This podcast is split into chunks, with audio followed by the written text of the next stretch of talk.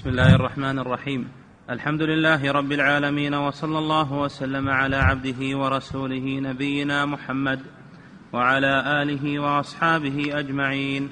قال المؤلف رحمه الله تعالى فعباد الله هم المقربون المذكورون في تلك السورة وهذا لأن الجزاء من جنس العمل في الخير والشر كما قال النبي صلى الله عليه وسلم من نفس عن مؤمن كربة من كرب الدنيا نفس الله عنه كربة من كرب يوم القيامة. بسم الله الرحمن الرحيم. تقدم أن الشيخ رحمه الله ذكر أن أولياء الله قسمون إلى ثلاثة أقسام السابقون المقربون وأصحاب والأبرار أصحاب اليمين والظالمون لأنفسهم من عصاة الموحدين. وذكر أعمال كل من الطوائف الثلاث. فالمقربون السابقون أدوا الفرائض والنوافل تجنبوا المحرمات والمكروهات فصارت أعمالهم كلها عبادة لله عز وجل. وأما الأبرار أصحاب اليمين فهم المقتصدون الذين أدوا الواجبات وتركوا المحرمات وقد يتركون النوافل أو يفعلون شيء من المكروهات فهؤلاء مقتصدون وأبرار أصحاب يمين. والظالم لنفسه هو المؤمن الذي قد يقع منه بعض الكبائر التي دون الشرك. يفعلون شيء من المحرمات التي هي دون الشرك. فهؤلاء ظالمون لأنفسهم. فجزاؤهم يكون على وفق أعمالهم. فالسابقون الأولون يشربون الرحيق المختوم صرفا ليس معه خلط لأنهم خلصوا أعمالهم صارت كل حياتهم لله عز وجل. وأصحاب اليمين المقتصدون يشربون لكن من الممزوج بالكافور أو بالمسك يمزج لهم كما مزجوا في الدنيا العمل بشيء من حظوظ النفس وراحتها في المباحات والظالم لنفسه هذا تحت المشيئة إن شاء الله غفر له وإن شاء عذبه بذنوبه ثم يدخله الجنة. قد يخرج من الجنة بشفاعة النبي صلى الله عليه وسلم يخرج من النار بعدما يدخلها يخرج منها بشفاعة النبي صلى الله عليه وسلم أو شفاعة غيره. هؤلاء هم طبقات أولياء الله المؤمنين. نعم. فعباد الله المقربون هم المذكورون في تلك السورة. سورة الواقعة في أولها وآخرها وسورة الإنسان. سورة الإنسان هل أتى على الإنسان حين من الدهر؟ وفي سورة فاطر ثم أورثنا الكتاب الذين اصطفينا من عبادنا. ذكر أنهم ثلاث طبقات. نعم. فعباد الله هم المقربون المذكورون في تلك السورة وهذا لأن الجزاء من جنس العمل في الخير والشر. كما قال النبي صلى الله عليه وسلم من نفس عن مؤمن كربة من كرب الدنيا نفس الله عنه كربة من كرب يوم القيامة. هذا الجزاء من جنس العمل. من نفس يعني وسع عن مؤمن كربة يعني ضائقة. وجد أخاه في ضائقة من دين أو غيره أو جوع أو غير ذلك فنفس عنه هذه الكربة أو كان معرضا لعقوبة أو جزاء فشفع له خلصه. الحاصل أنه نفس عن مؤمن كربة. هذا جزاؤه من جنس عمله أنه يوم القيامة ينفس الله عنه من كرب يوم القيامة. من نفس عن مؤمن كربة من كرب الدنيا نفس الله عنه كربة من كرب يوم القيامة. نعم. ومن يسر على معسر يسر الله عليه في الدنيا والآخرة.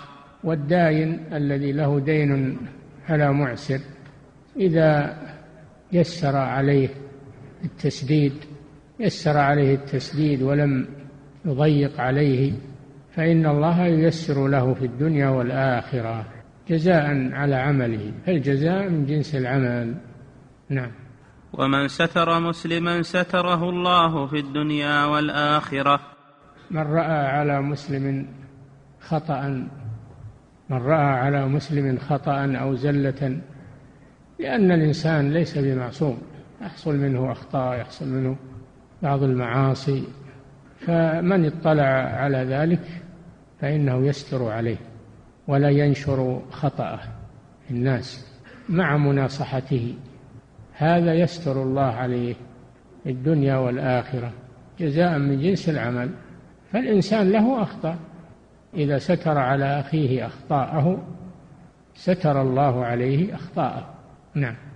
وأما من فضح أخاه وشهر به ونشر أخطاءه فإن الله يفضحه وينشر أخطاءه في الناس.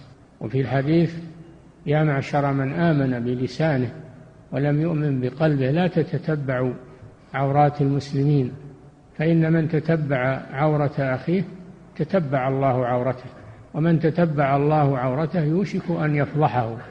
فالستر مطلوب في هذا على أصحاب الأخطاء مع مناصحتهم. نعم. والله في عون العبد ما كان العبد في عون أخيه.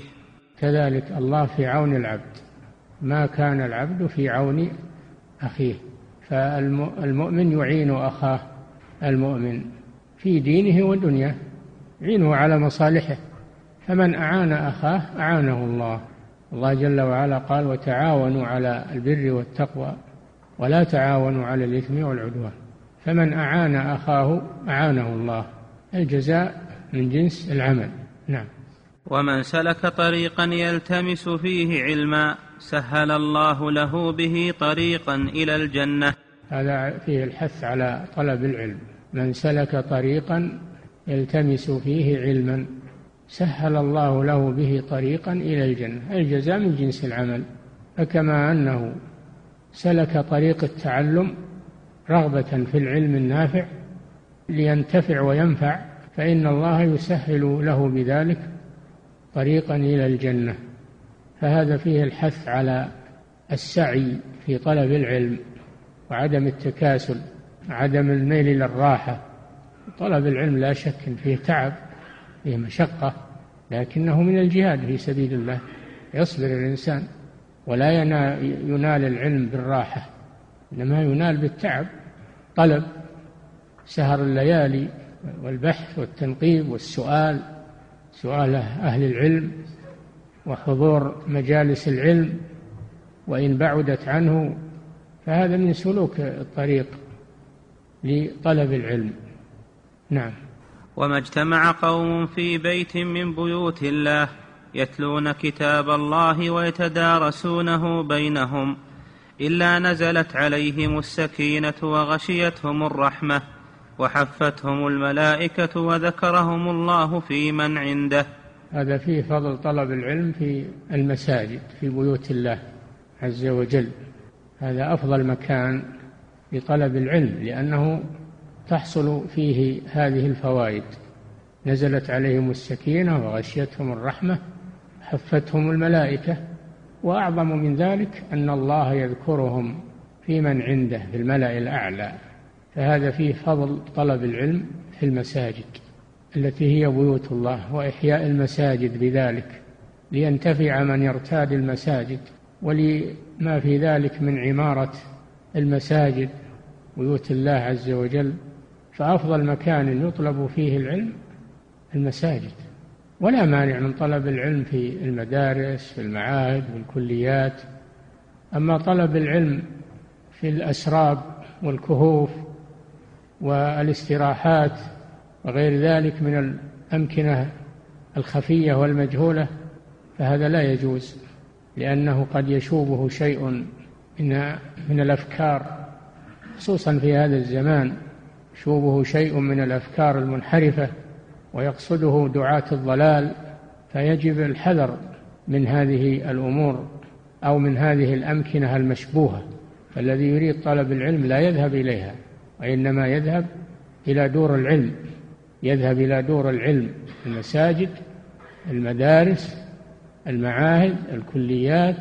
هذه دور العلم. فهذه هي محل طلب العلم. وأمور الدين ليس فيها خفا وتخفي. ما يتخفى في هذه الأمكنة إلا إنسان عنده أفكار سيئة لا يريد أن يطلع عليها. أما العلم الشرعي فليس فيه شيء يخفى عن الناس. ولهذا روي عن عمر بن عبد العزيز أنه قال إذا رأيت من يستخفون من يستخفون في طلب العلم أو في أمور الدين فاعلم أنهم على باب فتنة. أنهم على باب فتنة أو طارق باب فتنة لأن أمور الدين واضحة ولله الحمد وليس فيها تخفي وأسرار بل هي تعلن للناس يستفيد منها الناس وتزول الشبهة عن الإنسان ولا يتهم فهذا أمر يجب التنبه له خصوصا في هذا الزمان. نعم. ومن بطأ به عمله لم يسرع به نسبه. نعم فالمدار على العمل المدار على العمل الصالح. وأما النسب فإنه لا يقدم الإنسان عند الله سبحانه وتعالى. قال تعالى يا أيها الناس إنا خلقناكم من ذكر وأنثى وجعلناكم شعوبا وقبائل لتعارفوا. إن أكرمكم عند الله أتقاكم. والنبي صلى الله عليه وسلم قال لا فضل لعربي على عجمي ولا لأبيض على أسود إلا بالتقوى. فليس النسب لا يقدمك عند الله سبحانه وتعالى. ولو كنت من أشرف الناس نسبا. شرف النسب لم ينفع أبا لهب عم النبي صلى الله عليه وسلم. أنزل الله فيه سورة تتلى إلى يوم القيامة. تبت يدا أبي لهب وتب. ما نفعه نسبه. وهو من أشراف بني هاشم وعم الرسول صلى الله عليه وسلم. ولا ضر بلالا وسلمان وصهيبا وخباب وغيرهم من الموالي عمار بن ياسر. ما ضرهم أنهم موالي صاروا من سادات من سادات الأولياء من سادات الصحابة رضي الله عنهم. فهذا معنى قول الرسول صلى الله عليه وسلم من بطأ به عمله يعني تأخر به عمله لم يسرع لم يقدمه نسبه لم يقدمه نسبه وإن كان في نسب مشهور هذا لا ينفعه عند الله سبحانه وتعالى. الله جل وعلا قال فإذا نفخ في الصور فلا أنساب بينهم يومئذ ولا يتساءلون فمن ثقلت موازينه فأولئك هم المفلحون ومن خفت موازينه فأولئك الذين خسروا أنفسهم. فأولئك الذين خسروا أنفسهم في جهنم خالدون. سواء كانوا لهم نسب أو ما لهم نسب. فلا ينفع عند الله إلا العمل. يوم القيامة لا ينفع إلا العمل. نعم. ومن بطأ به عمله لم يسرع به نسبه. رواه مسلم في صحيحه. نعم. وقال صلى الله عليه وسلم الراحمون يرحمهم الرحمن ارحموا من في الأرض يرحمكم من في السماء. نعم وهذا الحديث فيه أن الجزاء من جنس العمل. الراحمون الذين يرحمون الناس يرحمون الناس ويلطفون بهم ويرفقون بهم ويطعمون الجائع ويكسون العاري ويتصدقون على المحتاجين فإن الله يرحمهم. فإن الله يرحمهم جزاء كما رحموا عباده فإن الله يرحمهم ارحموا من في الأرض يرحمكم من في السماء وهو الله سبحانه وتعالى. هذا فيه إثبات العلو لله عز وجل وأنه في السماء. نعم. قال الترمذي حديث حسن حديث صحيح. نعم.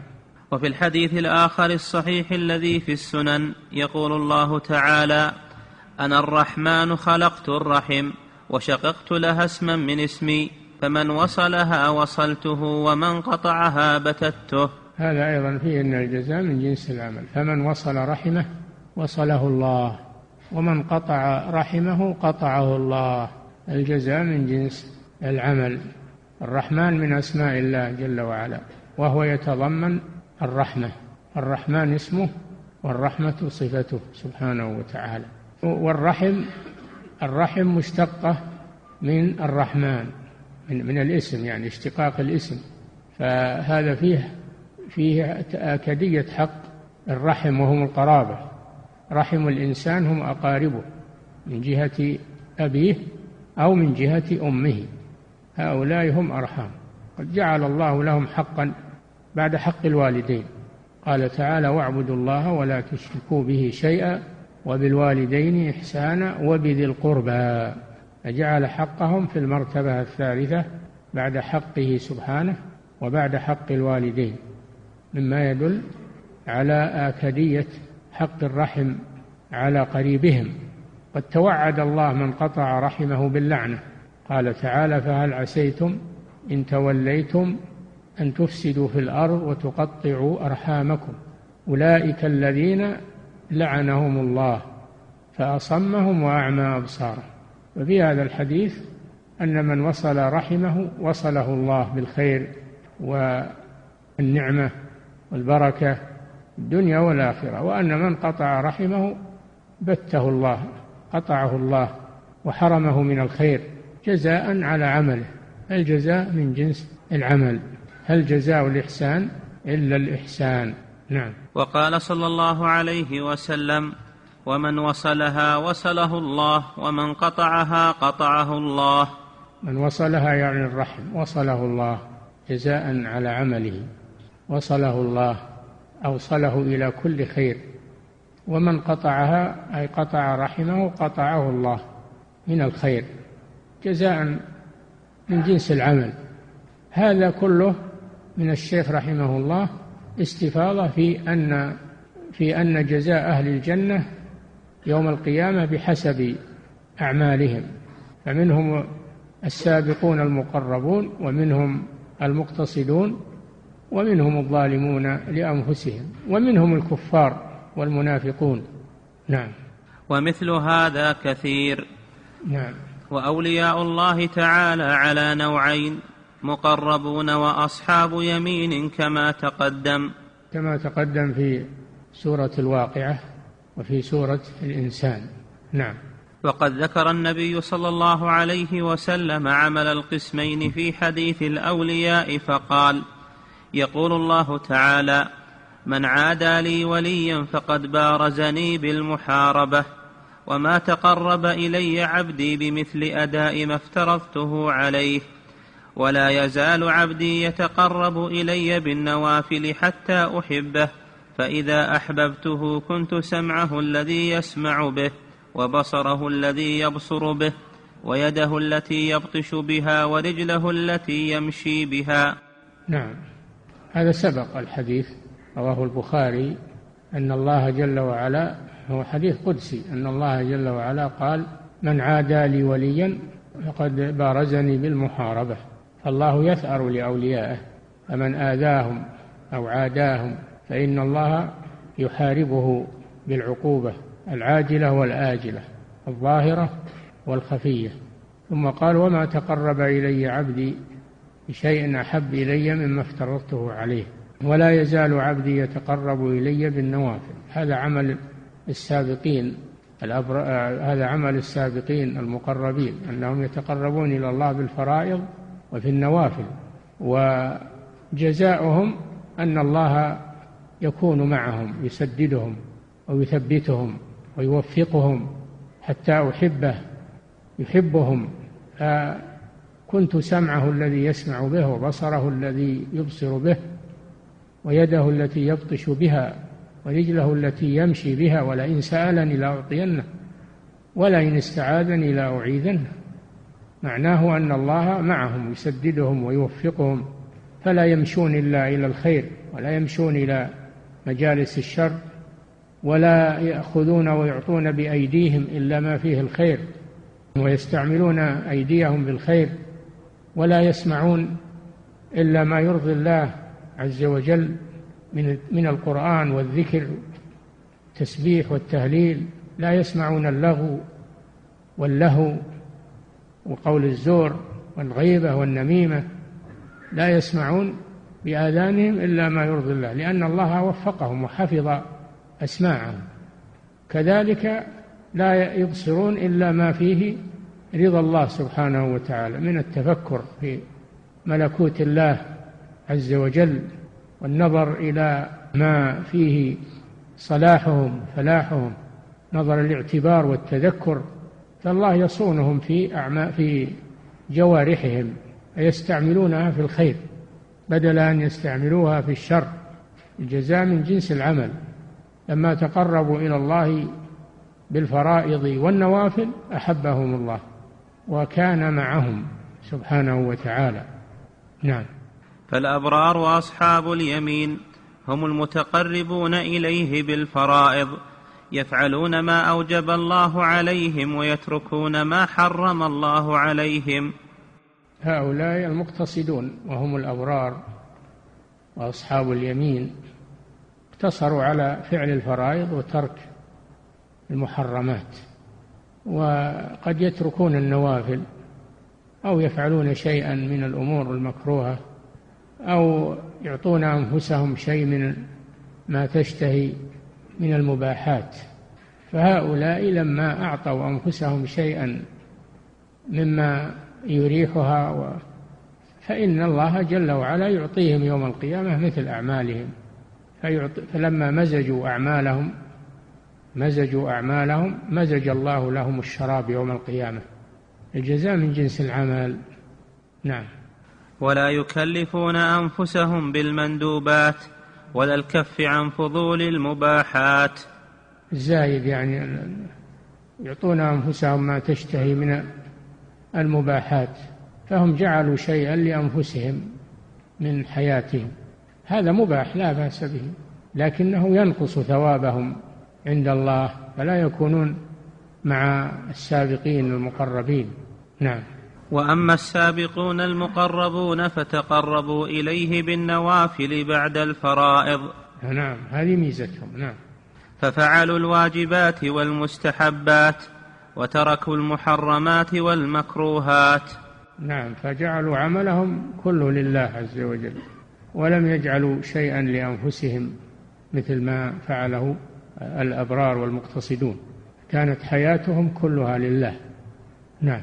فلما تقربوا إليه سبحانه بجميع ما يقدرون عليه من محبوباتهم أحبهم الرب حبا تاما. آثروا ثواب الله ورضاه عنهم آثروه على شهوات أنفسهم وإن كانت مباحة تركوها لأجل الله وإن كانت مباحة فنالوا المرتبة العليا مرتبة السابقين المقربين. نعم. أحبهم الرب حبا تاما كما قال تعالى ولا يزال عبدي يتقرب إلي بالنوافل حتى أحبه. يعني الحب المطلق. الحب التام يحبهم الحب التام. الله يحب الأبرار ويحب آه، الظالمين لأنفسهم بقدر ما معهم من الإيمان. أما الحب التام فهو للسابقين المقربين. والأبرار دونهم في ذلك والظالمون لأنفسهم دون الأبرار طبقات. نعم. وهذا مثل قوله تعالى اهدنا الصراط المستقيم صراط الذين أنعمت عليهم غير المغضوب عليهم ولا الضالين. أي أنعم عليه أي أنعم عليهم الإنعام المطلق التام المذكور في قوله تعالى ومن يطع الله والرسول فأولئك مع الذين أنعم الله عليهم من النبيين والصديقين والشهداء والصالحين وحسن أولئك رفيقا. السابقون المقربون أنعم الله عليهم الإنعام التام الذي ليس فيه نقص. وأما من دونهم فالله أنعم عليهم أيضا لكن مطلق الإنعام لا الإنعام المطلق. في فرق بين الإنعام المطلق ومطلق الإنعام. مطلق الإنعام يكون فيه نقص أما الإنعام المطلق فلا نقص فيه. الجزاء من جنس العمل. نعم. وإلا فالأبرار المقتصدون الله أنعم عليهم بنعمة عظيمة. كذلك الظالمون لأنفسهم الله أنعم عليهم بقدر ما معهم من الإيمان والهداية لكنه إنعام دون إنعام. الأبرار وإنعام الأبرار دون إنعام المقربين. نعم. فهؤلاء المقربون صارت المباحات في حقهم طاعات يتقربون بها إلى الله عز وجل. يعني أنهم تقربوا إلى الله بترك المباحات فضلا عن ترك المكروهات والمحرمات فصارت عملهم كله لله عز وجل. نعم. فكانت أعمالهم كلها عبادات لله فشربوا صرفا كما عملوا له صرفا. شربوا يوم القيامة من شراب الجنة صرفا ليس فيه خلط. عينا يشرب بها عباد الله أي المقربون. في حين أنه ذكر الأبرار يشربون من كأس كان مزاجها كافورا. ممزوجه الكافور وهو طيب الرائحة لكنه ما هو مثل الخالص. الرحيق الخالص. نعم. والمقتصدون كان في أعمالهم ما فعلوه لنفوسهم. فيها ما فعلوه لنفوسهم تمتعوا بالمباحات وأعطوا لنفوسهم شيء من من الراحة في المباحات. هذا لا يثابون عليه ولا يعاقبون عليه. المباح ما تساوى طرفاه ليس فيه ثواب وليس فيه عقاب. فلما أعطوا لأنفسهم شيئا من الراحة فإن ذلك ينقص في جزائهم يوم القيامة عن درجة المقربين. نعم. والمقتصدون كان في أعمالهم ما فعلوه لنفوسهم. ولهذا يقولون يقولون يقولون حسنات الأبرار سيئات المقربين المقربون ما يعطون لأنفسهم ما يعطيه الأبرار لأنفسهم. نعم.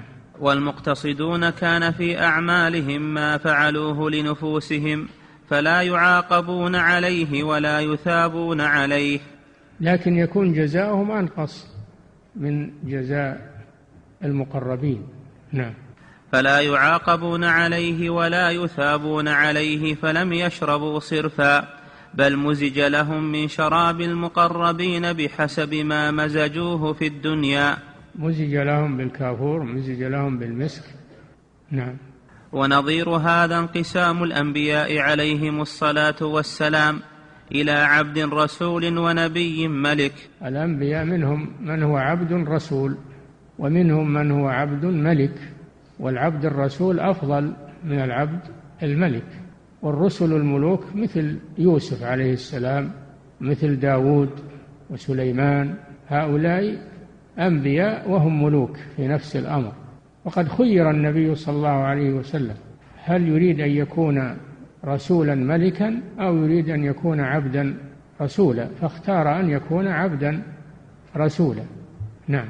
وقد خير الله سبحانه وتعالى محمدا صلى الله عليه وسلم. بين أن يكون عبدا رسولا وبين أن يكون نبيا ملكا فاختار أن يكون عبدا رسولا. تواضع لله عز وجل اختار أن يكون عبدا رسولا. ولا يعطى من الملك مثل ما أعطي إخوانه يوسف وداود وسليمان عليهم السلام. نعم. فالنبي الملك مثل داود وسليمان عليهما الصلاة والسلام ونحوهما. قال الله تعالى في قصة سليمان الذي قال رب اغفر لي وهب لي ملكا لا ينبغي لأحد من بعدي إنك أنت الوهاب. فسخرنا له الريح تجري بأمره رخاء حيث أصاب. إلى قوله سبحانه هذا عطاؤنا فمن أو أمسك بغير حساب. أي أعط من شئت وأحرم من شئت لا حساب عليك. وأحرم. أي اعط من شئت واحرم من شئت لا حساب عليك. فالنبي الملك. نعم فالله أعطى سليمان لما سأل ربه رب اغفر لي وهب لي ملكا لا ينبغي لأحد من بعد أجاب الله دعوته أعطاه الملك الذي لم يعطه لغيره سخر له الريح تحمله هو وجنوده إلى حيث شاء وسخر له الشياطين والعفاريت تعمل له. ليل نهار وأعطاه من القوة والملك ما لم يعطه لغيره مع النبوة عليه الصلاة والسلام. وأباح له أن يعطي ويمسك من غير حساب غير أن يحاسبه الله على ذلك. لا شك أن هذا فيه فضل عظيم لكنه دون فضل النبي الرسول. نعم. فالنبي الملك يفعل ما فرض الله عليه ويترك ما حرم الله عليه ويتصرف في الولاية والمال بما يحبه ويختار من غير إثم عليه. فكما أن المؤمنين كما أن المؤمنين طبقات بعضها أفضل من بعض فايضا الرسل والأنبياء بعضهم أفضل من بعض. تلك الرسل فضلنا بعضهم على بعض منهم من كلم الله ورفع بعضهم درجات. وآتينا عيسى ابن مريم البينات وأيدناه بروح القدس. الله فضل بعض النبيين على بعض. نعم. وأما العبد الرسول فلا يعطي أحدا إلا بأمر ربه ولا يعطي من يشاء ويحرم من يشاء. النبي الملك أباح له, له الله أن يعطي من يشاء ويحرم من يشاء. فامن أو أمسك يعني أعط أمن يعني أعط. فامن أو أمسك بغير حساب لا حرج عليك في ذلك. أما النبي الملك فليس كذلك. لا يعطي من يشاء ولا يمنع من يشاء وإنما يعطي من أمره الله بإعطائه ويمنع من أمره الله بمنعه لأنه عبد ليس ملكا. نعم. وأما العبد الرسول فلا يعطي أحدا إلا بأمر ربه ولا يعطي من يشاء ويحرم من يشاء. بل روي عنه أنه قال صلى الله عليه وسلم إني والله لا أعطي أحدا ولا أمنع أحدا إنما أنا قاسم أضع حيث أمرت. ولهذا يضيف الله الأموال الشرعية إلى الله والرسول. ولهذا يضيف الله الأموال الشرعية كالفيء والغنيمة وغير ذلك والأنفال إلى الله والرسول. يسألونك عن الأنفال آه، قل الأنفال لله والرسول. وما أفاء الله على على رسوله فلله وللرسول ولذي القربى واليتامى. فيجعل المال لله والرسول ولم يجعله للرسول فقط كما جعله لسليمان. نعم. ولهذا يضيف الله الأموال الشرعية إلى الله والرسول كقوله تعالى قل الأنفال لله والرسول وقوله يسألونك عن الأنفال قل الأنفال لله والرسول. الرسول لا يعطي ولا ينفل أحدا إلا بأمر الله سبحانه وتعالى. نعم. وقوله تعالى وما أفاء الله على رسوله من أهل القرى فلله وللرسول نعم. فلله وللرسول فالرسول لم ينفرد بالفيء وإنما هو له هو لله وله. نعم. فلا يتصرف فيه إلا بأمر الله. نعم. فهو منفذ. الرسول صلى الله عليه وسلم منفذ. ولهذا جاء في الحديث الله قاسم. الله هو الذي يقسم. والرسول إنما هو منفذ. نعم. وقوله تعالى واعلموا أن ما غنمتم من شيء فأن لله خمسه وللرسول. نعم ما غنمتم من شيء المغانم المغانم. كيف تصرف المغانم؟ هي بهوى الناس أو بهوى الرسول أو بهوى؟ لا لا بد من الرجوع إلى ما شرعه الله فيها. واعلموا أن ما غنمتم من شيء يعني من أموال الكفار في المعركة. فلله وللرسول ولذي القربى واليتامى والمساكين وابن السبيل. إن كنتم آمنتم بالله وما أنزلنا على عبدنا يوم الفرقان يوم التقى الجمعان. في الآية الأخرى لكي لا يكون دولة بين الأغنياء منكم وما آتاكم الرسول فخذوه ولأنه يعطي بأمر الله وما نهاكم عنه فانتهوا. نعم. هذا كان أظهر أقوال العلماء أن هذه الأموال تصرف فيما يحبه الله ورسوله بحسب المغانم يعني. نعم. ولهذا كان أظهر أقوال العلماء أن هذه الأموال تصرف فيما يحبه الله ورسوله نعم. بحسب اجتهاد ولي الأمر كما هو مذهب مالك وغيره من السلف. ويذكر هذا رواية عن أحمد. نعم. وقد قيل في الخمس أنه يقسم على خمسة كقول الشافعي وأحمد في المعروف عنه. اعمالا بالآية. أعلموا أن ما غنمتم من شيء فإن لله خمسه وللرسول ولذي القربى واليتامى المساكين سهم الله والرسول سهم واحد. ولذي القربى اثنين واليتامى ثلاثة والمساكين أربعة وابن السبيل خمسة. فالخمس يصرف على هذه المصارف الخمسة كما في الآية. نعم. وقيل على ثلاثة كقول أبي حنيفة رحمه الله. نعم وقيل يصرف الخمس على ثلاثة أقسام. فأن لله خمسه وللرسول ولذي القربى واليتامى والمساكين وابن السبيل. نعم. والمقصود هنا أن العبد الرسول هو أفضل من النبي الملك. ذكره رحمه الله لمصرف الفي والأموال هذا من باب الاستطراد كعادته رحمه الله. وأما المقصود وصلب الموضوع فهو البحث في النبي الملك والنبي والنبي الرسول. نعم.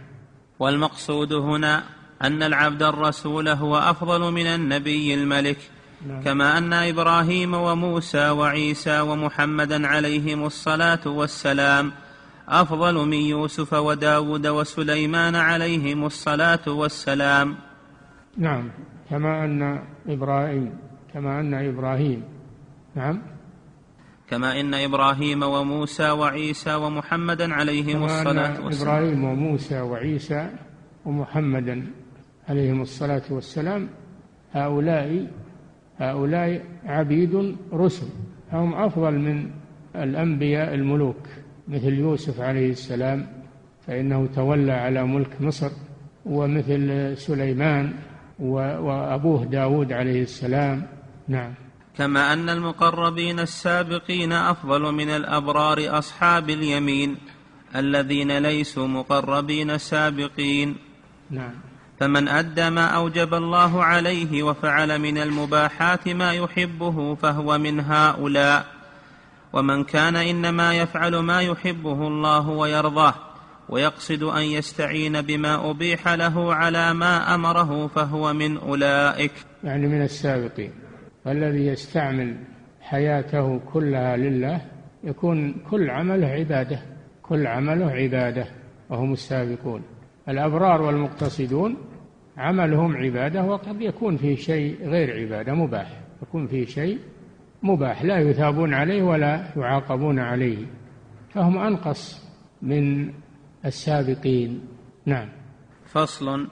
وقد ذكر الله تعالى أولياءه المقتصدين والسابقين في سورة فاطر.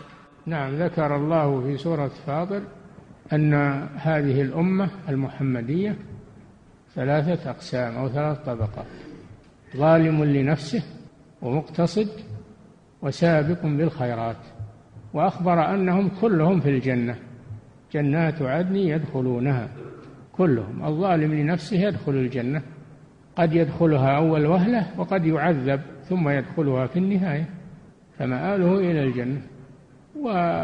والمقتصدون والسابقون هؤلاء في الجنة لا تعذيب عليهم. لا يدخلون النار. نعم. وقد ذكر الله تعالى أولياءه المقتصدين والسابقين في سورة فاطر في قوله تعالى ثم أورثنا الكتاب الذين اصطفينا من عبادنا فمنهم ظالم لنفسه ومنهم مقتصد ومنهم سابق بالخيرات بإذن الله. ظالم لنفسه وهو الذي المؤمن الموحد الذي قد يفعل شيئا من الكبائر التي دون الشرك. هذا ظالم لنفسه معرض نفسه للعذاب إن لم يعفو الله عنه. هذا الظالم لنفسه معرض للوعيد. لكنه من أهل الجنة إما في البداية وإما في النهاية. ثم المقتصد وهو الذي اقتصر على فعل الواجبات والفرائض وترك المحرمات. هذا مقتصد. وهم الأبرار وأصحاب اليمين. ومنهم سابق بالخيرات وهم المقربون. نعم. ثم أورثنا الكتاب الذين اصطفينا من عبادنا فمنهم ظالم لنفسه ومنهم مقتصد ومنهم سابق بالخيرات بإذن الله. ذلك هو الفضل الكبير. جنات عدن يدخلونها يحلون فيها من أساور من ذهب ولؤلؤا ولباسهم فيها حرير. في هذه الآية رد على الخوارج والمعتزلة الذين يكفرون أصحاب الكبائر لأن الله أخبر أنهم يدخلون الجنة. والخوارج والمعتزلة يقولون لا ما يدخلون الجنة وهم مخلدون في النار. نسأل الله العافية من الضلال. نعم. وقالوا الحمد لله الذي أذهب عنا الحزن إن ربنا لغفور شكور. الذي أحلنا دار المقامة من فضله لا يمسنا فيها نصب ولا يمسنا فيها لغوب. لكن هذه الأصناف الثلاثة في هذه الآية هم أمة محمد صلى الله عليه وسلم خاصة. ثم أورثنا الكتاب يعني القرآن الذين اصطفينا أي اخترناهم. كنتم خير أمة أخرجت للناس من عبادنا. هم هذه الأمة. أورثها الله الكتاب وهو القرآن العظيم. واصطفاهم اختارهم على غيرهم من الأمم كرمهم بذلك وشرفهم. نعم. لكن هذه الأصناف الثلاثة في هذه الآية هم أمة محمد صلى الله عليه وسلم خاصة كما قال تعالى ثم أورثنا الكتاب الذين اصطفينا من عبادنا فمنهم ظالم لنفسه ومنهم مقتصد ومنهم سابق بالخيرات بإذن الله. ذلك هو الفضل الكبير. وأمة محمد صلى الله عليه وسلم هم الذين أورثوا الكتاب بعد الأمم المتقدمة وليس ذلك مختصا بحفاظ القرآن. ثم أورثنا الكتاب الذين اصطفينا من عبادنا. فوراث هذا الكتاب هم المؤمنون ولو كانوا لا يقرؤون القرآن. ما هو خاص بحفاظ القرآن بل كل مؤمن من هذه الأمة فإنه ورث هذا الكتاب ويحصل على هذا الجزاء عند الله سبحانه وتعالى. نعم. فإن المؤمن من أهل القرآن وإن لم يحفظه. نعم. وليس ذلك مختصا بحفاظ القرآن. بل كل من آمن بالقرآن فهو من هؤلاء. فهو من من من الذين اصطفاهم الله وهو من هذه الأمة التي ورثت الكتاب. نعم. وقسمهم إلى ظالم لنفسه ومقتصد وسابق بخلاف الآيات التي في الواقعة والمطففين والانفطار. فإنه لم يذكر في, في الواقعة إلا صنفين من المؤمنين المقربون وأصحاب اليمين وذكر معهم أصحاب الشمال وهم الكفار. وكذلك في سورة هل أتى على الإنسان ذكر صنفين فقط المقربون والأبرار وذكر الكفار معهم. وفي سورة الانفطار إن الأبرار لفي نعيم وإن الفجار لفي جحيم ذكر الصنفين فقط. أما في سورة فاطر ذكر الأصناف الثلاثة. من هذه الأمة وذكر بعدهم أهل النار والعياذ بالله والذين كفروا لهم نار جهنم لا يقضى عليهم فيموتوا. فذكر أربعة أصناف ثلاثة من هذه الأمة وصنف الكفار صنف واحد والعياذ بالله. نعم. بخلاف الآيات التي في الواقعة والمطففين والانفطار. المطففين نعم. أيضا المطففين فيها ذكر المقربين والأبرار فقط. نعم. فإنه دخل فيها جميع الأمم المتقدمة كافرهم ومؤمنهم. إي نعم سورة الواقعة وسورة سورة الإنسان وسورة المطففين سورة الانفطار دخل فيها المؤمن والكافر من جميع الأمم. نعم. لكن هذه الآية من سورة فاطر خاصة بهذه الأمة بالمؤمنين من هذه الأمة. نعم. وهذا التقسيم لأمة محمد صلى الله عليه وسلم فالظالم لنفسه أصحاب الذنوب المصرون عليها. أما من تاب من الذنوب فهو كمن لا ذنب له حتى ولو فعل الشرك. لو فعل الشرك والكفر تاب تاب الله عليه كمن لا ذنب له. إنما هذا في أصحاب الذنوب الذين لم يتوبوا وهي دون الشرك. هؤلاء تحت المشيئة. نعم. ومن تاب من ذنبه أي ذنب كان توبته صحيحة لم يخرج بذلك عن السابقين والمقتصد المؤدي للفرائض المجتنب للمحارم والسابق للخيرات هو المؤدي للفرائض والنوافل كما في تلك الآيات ومن تاب من ذنبه أي ذنب كان توبة صحيحة لم يخرج بذلك عن السابقين والمقتصدين كما في قوله تعالى وسارعوا إلى مغفرة من ربكم وجنة عرضها السماوات والأرض أعدت للمتقين الذين ينفقون في السراء والضراء والكاظمين الغيظ والعافين عن الناس والله يحب المحسنين والذين إذا فعلوا فاحشة أو الذين إذا فعلوا فاحشة تابوا منها صاروا في الجنة كأنهم لم يذنبوا ففيه فضل التوبة. نعم.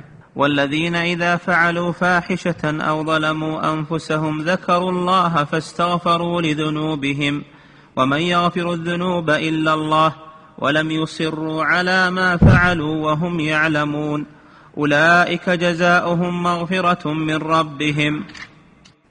نعم فالتائب من الذنب لا ينقص لا تنقص درجته عن السابقين والأبرار. واصحاب اليمين إذا حسن عمله لا ينقص ولا تنقصه المعصية التي تاب منها كأنها لم تكن كأنها لم تكن. نعم. والمقتصد المؤدي للفرائض المجتنب للمحارم والسابق بالخيرات هو المؤدي للفرائض والنوافل كما في تلك الآيات. نعم. وقوله تعالى جنات عدن يدخلونها مما يستدل به أهل السنة على أنه لا يخلد في النار أحد من أهل التوحيد. نعم ردا على الخوارج والمعتزلة الذين يقولون إنه يخلد في النار من دخلها لا يخرج منها. والأدلة من القرآن والسنة على أنه الموحد وإن دخل النار فإنه لا يخلد فيها يخرج منها. نعم. وأما دخول كثير من أهل الكبائر النار فهذا مما تواترت به السنن عن النبي صلى الله عليه وسلم. هذا رد على المرجئة. هذا الكلام فيه رد على الطائفتين على الذين يقولون أصحاب الكبائر مخلدون في النار لا يخرجون منها وهم الخوارج والمعتزلة. المرجئة على النقيض يقولون أصحاب الكبائر لا يدخلون النار ابدا هم في الجنة. ولا تضرهم الكبائر التي دون الشرك. وهذا غرور وجهل فإنه تواترت الأدلة على أن أصحاب الكبائر قد يدخلون النار ويعذبون فيها وقد يبقون فيها مدة طويلة ويخرجون فحما يخرجون من النار فحم متفحمين. ثم تنبت أجسامهم تحيا ثم يدخلون الجنة. هذا رد على المرجئة. الذين يقولون لا يضر مع الإيمان معصية والإيمان لا ينقص بالمعاصي ولا تضرهم. هذا جهل قول على الله بغير علم ومخالفة للأدلة. نعم. فهم على طرفي نقيض خوارج والمرجئة. أهل السنة متوسطون ولله الحمد في هذا. نعم. فلا يقولون إن المعصية لا تضر وأن العاصي صاحب الكبيرة كامل الإيمان كما تقوله المرجئة ولا يقولون إنه ليس معه إيمان أصلا وهو كافر كما تقوله الخوارج بل يقولون إنه مؤمن ناقص الإيمان. نعم. وأما دخول كثير من أهل الكبائر النار فهذا مما تواترت به السنن عن النبي صلى الله عليه وسلم. كما تواترت بخروجهم من النار وشفاعة نبينا محمد عليه الصلاة والسلام في أهل الكبائر وإخراج من يخرج من النار بشفاعة نبينا صلى الله عليه وسلم وشفاعة غيره فمن قال إن أهل الكبائر مخلدون في النار وتأول الآية على أن السابقين هم الذين يدخلونها وأن المقتصد أو الظالم لنفسه لا يدخلها كما تأوله من المعتزلة فهو مقابل بتأويل المرجئة الذين لا يقطعون بدخول أحد من أهل الكبائر النار ويزعمون أن أهل الكبائر قد يدخل جميعهم الجنة من غير عذاب وكلاهما مخالف للسنة المتواترة عن النبي صلى الله عليه وسلم ولإجماع سلف الأمة وأئمتها. وقد دل على فساد قول الطائفتين قول الله تعالى في آيتين من كتابه وهو قوله تعالى إن الله لا يغفر أن يشرك به ويغفر ما دون ذلك لمن يشاء. هذا رد على الخوارج والمعتزلة. نعم. فأخبر تعالى أنه لا يغفر الشرك وأخبر أنه يغفر ما دونه لمن يشاء. نعم. ولا يجوز أن يراد بذلك التائب. التائب هذا ما هذا كمن لا ذنب له. إنما الكلام في غير التائب صاحب الكبيرة التي لم يتب منها هذا محل الدليل. نعم. ولا يجوز أن يراد بذلك التائب كما يقوله من يقوله من المعتزلة لأن الشرك يغفره الله لمن تاب. حتى الشرك والكفر التوبة تجب ما قبلها. وليس خاصا بصاحب الكبيرة؟ نعم. لأن الشرك يغفره الله لمن تاب نعم. وما دون الشرك يغفره الله تعالى أيضا للتائب فلا تعلق بالمشيئة. نعم. أو فلا تعلق بالمشيئة. ولهذا لما ذكر المغفرة للتائبين قال تعالى قل يا عبادي الذين أسرفوا على أنفسهم لا تقنطوا من رحمة الله إن الله يغفر الذنوب جميعا. إنه هو الغفور الرحيم. ثم قال بعدها وأنيبوا إلى ربكم وأسلموا أمر بالتوبة فهو يغفر الذنوب جميعا لمن تاب. نعم. فهنا عمم المغفرة وأطلقها. فإن الله يغفر للعبد أي ذنب تاب منه. فمن تاب من الشرك غفر الله له ومن تاب من الكبائر غفر الله له. وأي ذنب تاب العبد منه غفر الله له ففي آية التوبة عمم وأطلق وفي تلك الآية خصص وعلق. نعم يغفر ما دون ذلك لمن يشاء. أما في آية التوبة ما استثنى ما قال من تاب تاب الله عليه إن شاء. نعم. فخص الشرك بأنه لا يغفره وعلق ما سواه على المشيئة ومن الشرك التعطيل للخالق. وهذا يدل على فساد قول من يجزم بالمغفرة لكل ذنب. هذا الرد على المرجئة. أشد من الشرك الجحود والتعطيل الذين ينكرون ينكرون الرب سبحانه وتعالى. نعم. ونبه بالشرك على ما هو أعظم منه كتعطيل الخالق. أو يجوز يعني أن جحد جحد الرب سبحانه وتعالى والقول بأن الأمر معلق بالدهر أو بالطبيعة وليس هناك خالق. تعالى الله عما يقولون وهم الدهرية والملاحدة. نعم. ونبه بالشرك على ما هو أعظم منه كتعطيل, كتعطيل الخالق أو يجوز أن لا يعذب بذنب فإنه لو كان كذلك. أو لا أو يجوز من لا أن يعذب بذنب كما هو قول الخوارج قول المرجئة يقولون لا يعذب بذنب ما دام إنه مؤمن وان صدرت منه ذنوب فهو لا يعذب أبدا. هذا ضلال. نعم. أو يجوز أن لا يعذب بذنب فإنه لو كان كذلك لما ذكر أنه يغفر البعض دون البعض. ولو كان كل ظالم لنفسه مغفورا له بلا توبة ولا حسنات ماحية لم يعلق ذلك بالمشيئة. ويغفر ما دون ذلك لمن يشاء. فالتوبة لم يعلقها الله بالمشيئة. من تاب تاب الله عليه وإنما علق العفو بالمشيئة علق العفو بالمشيئة لمن لم يتب من المؤمنين. نعم. وقوله تعالى ويغفر ما دون ذلك لمن يشاء دليل على أنه يغفر البعض دون البعض فبطل النفي والوقف العام. نعم. فصل. يكفي والله أعلم. أحسن الله إليكم صاحب الفضيلة. هذه أسئلة كثيرة. أعرض على فضيلتكم ما تيسر منها. هذا السائل يقول هل الذي يستر أخطاء غيره يستر الله عورته في الدنيا والآخرة أم في أحدهما فقط؟ حديث عام. ستره الله في الدنيا والآخرة. حديث عام. نعم. أحسن الله إليكم صاحب الفضيلة. وهذا السائل يقول من كان داعية إلى ضلالة ولا يعلم كثير من الناس حاله هل نوضح له؟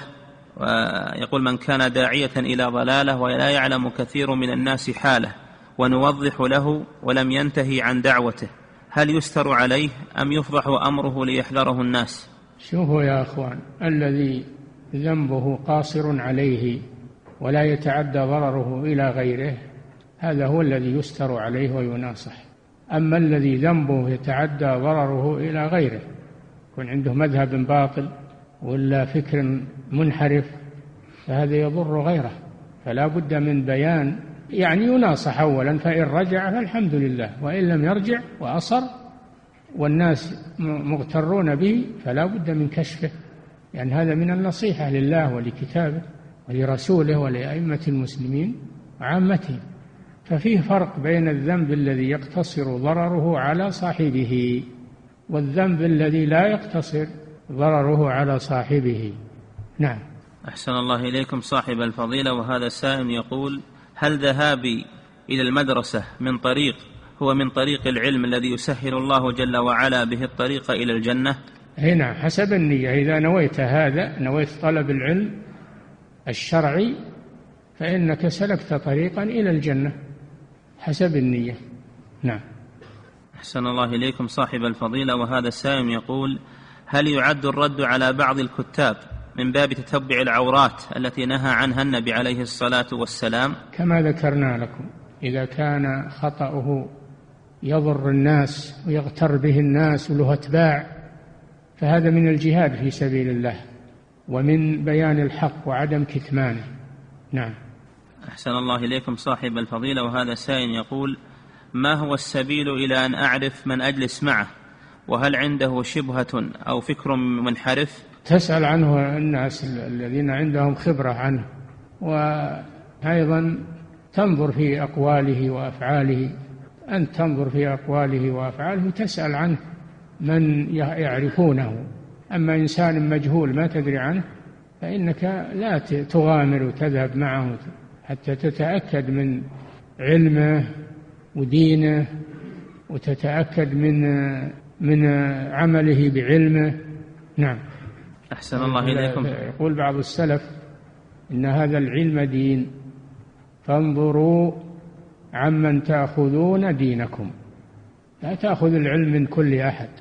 انظر قبل فإذا وثقت منه فخذ عنه العلم. خصوصا في هذا الزمان كثر أولا الجهال وأدعياء العلم اللي ما عندهم علم. فيضلون ويضلون كما قال النبي صلى الله عليه وسلم. ثانيا كثر دعاة السوء. دعاة السوء الآن كثروا لا كثرهم الله. فيجب أن يشتد الحذر لطالب العلم وأن يتوقع ويتثبت في أمور من يريد أن يأخذ عنهم العلم. واللي يدرس إذا كان يدرس في مكان علني فإنه إذا أخطأ ينكشف. لكن المشكلة اللي يدرس في مكان سري ما يدرى عنه هذا المشكل. فاحذروا الأمكنة السرية. نعم. أحسن الله إليكم صاحب الفضيلة وهذا سائل يقول بل هو أكثر من سؤال. من كان يحضر الدروس العلمية مستمعا لها مباشرة أو مستمعا لها من طريق الإنترنت هل يدخل في قول النبي صلى الله عليه وسلم ما اجتمع قوم في بيت من بيوت الله الحديث؟ لا أنه يكون مثل المجتمعين في المسجد لا. لكن يكون سلك طريقا يلتمس فيه علما فهو طرق العلم كثيرة بعضها أفضل من بعض بلا شك. أما أنه يحصل على أجر من جلس في المسجد وهو ما هو في المسجد فلا يحصل على هذا. نعم. أحسن الله إليكم صاحب الفضيلة وهذا السائل يقول ما هو الفرق بين المندوبات وبين المباحات؟ المندوب يثاب فاعله ولا يعاقب تاركه والمباح متساوي الطرفين لا يثاب فاعله ولا يعاقب تاركه. نعم.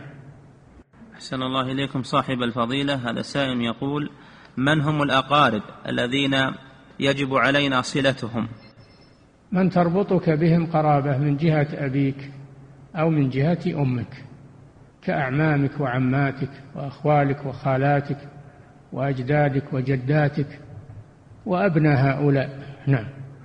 أحسن الله إليكم صاحب الفضيلة. هذا سائل يقول نحن في بلاد لا يوجد فيها إلا المساجد للصوفية وللمخرفين فقط فهل يجوز لنا عندئذ أن نخصص الأماكن الخفية نطلب فيها العلم ونتذاكر فيها العقيدة؟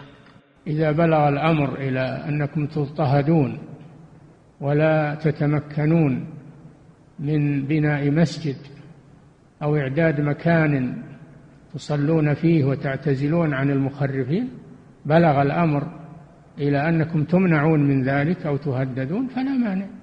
النبي صلى الله عليه وسلم كان في أول أمره يختفي في دار الأرقم ابن أبي الأرقم وهو أصحابه دعوة السرية حتى أسلم كثير ومنهم عمر وحمزة عم النبي صلى الله عليه وسلم. فحينئذ خرجوا من دار الأرقم. صاروا يذهبون إلى البيت ويطوفون به لأنهم صاروا في حماية. فإذا بلغ الأمر بالمسلمين إلى أنهم يضطهدون ولا يمكنون من إعداد مسجد أو إعداد مكان للعبادة فإنهم يسرون هذا في مكان خفي فرارا بدينهم وحماية لدينهم. أما ناس يعيشون في بلاد المسلمين في المملكة ولله الحمد بلاد الحرمين ما أحد يضطهد ولا أحد يمنع من المساجد ولا من بناء المساجد وكونهم يختفون في في هذه البلاد هذا هو محل التهمة ومحل آه، الخوف. نعم. أحسن الله إليكم صاحب الفضيلة وهذا السائل يقول من يعمل الواجبات ويفعل المندوبات ولكنه يعمل بعض المحرمات فهل يعد من الأبرار أو من السابقين؟ لا اللي يفعل المحرمات ما يعد من, من الأبرار يعد من الظالمين لأنفسهم. الأبرار لا يفعلون المحرمات يفعلون المفروضات ولا يتركون منها شيء ويتجنبون المحرمات ولا يفعلون منها شيء. هؤلاء هم الأبرار. نعم. أحسن الله إليكم صاحب الفضيلة. هذا السائل يقول إذا كان رجل يصلي جميع الصلوات المفروضة في المسجد في وقتها ولكنه لا يصلي الفجر إلا إذا قام لعمله في الساعة السابعة صباحا فهل هذا من الشرك الأكبر المخرج من الملة أم من الشرك الأصغر؟ هذا ما هو من الشرك الأكبر. هو يصلي هو يصلي. الشرك الأكبر أن يدعو غير الله ويذبح لغير الله وينظر لغير الله يصرف شيء من أنواع العبادة. لكن هذا الذي يترك الصلاة متعمدا لا يقال مشرك يقال كافر. قال صلى الله عليه وسلم بين العبد وبين الكفر ترك الصلاة يكون كافرا إذا تركها متعمدا. ومن تركها متعمدا إخراجها عن وقتها بغير عذر. إذا تعمد إخراجها عن وقتها بغير عذر هذا كفر. ولو صلى ما تنفع صلاته لأن ما هي بالصلاة التي أمر الله بها. أما إذا أخرها عن وقتها لعذر من نوم غلب عليه بغير قصد أو نسيان لها النبي صلى الله عليه وسلم قال من نسي صلاة أو نام عنها فليصليها إذا ذكرها لا كفارة لها إلا ذلك. أما اللي يتعمد ويقول من مصلي لما إن يقوم الضحى. فهذا لا تنفعه صلاته وليست صحيحة ولا تبري ذمته لأنها ليست الصلاة التي أمر الله بها. الله جل وعلا قال حافظوا على الصلوات الصلاة الوسطى ومن المحافظة أداؤها في وقتها ومع الجماعة.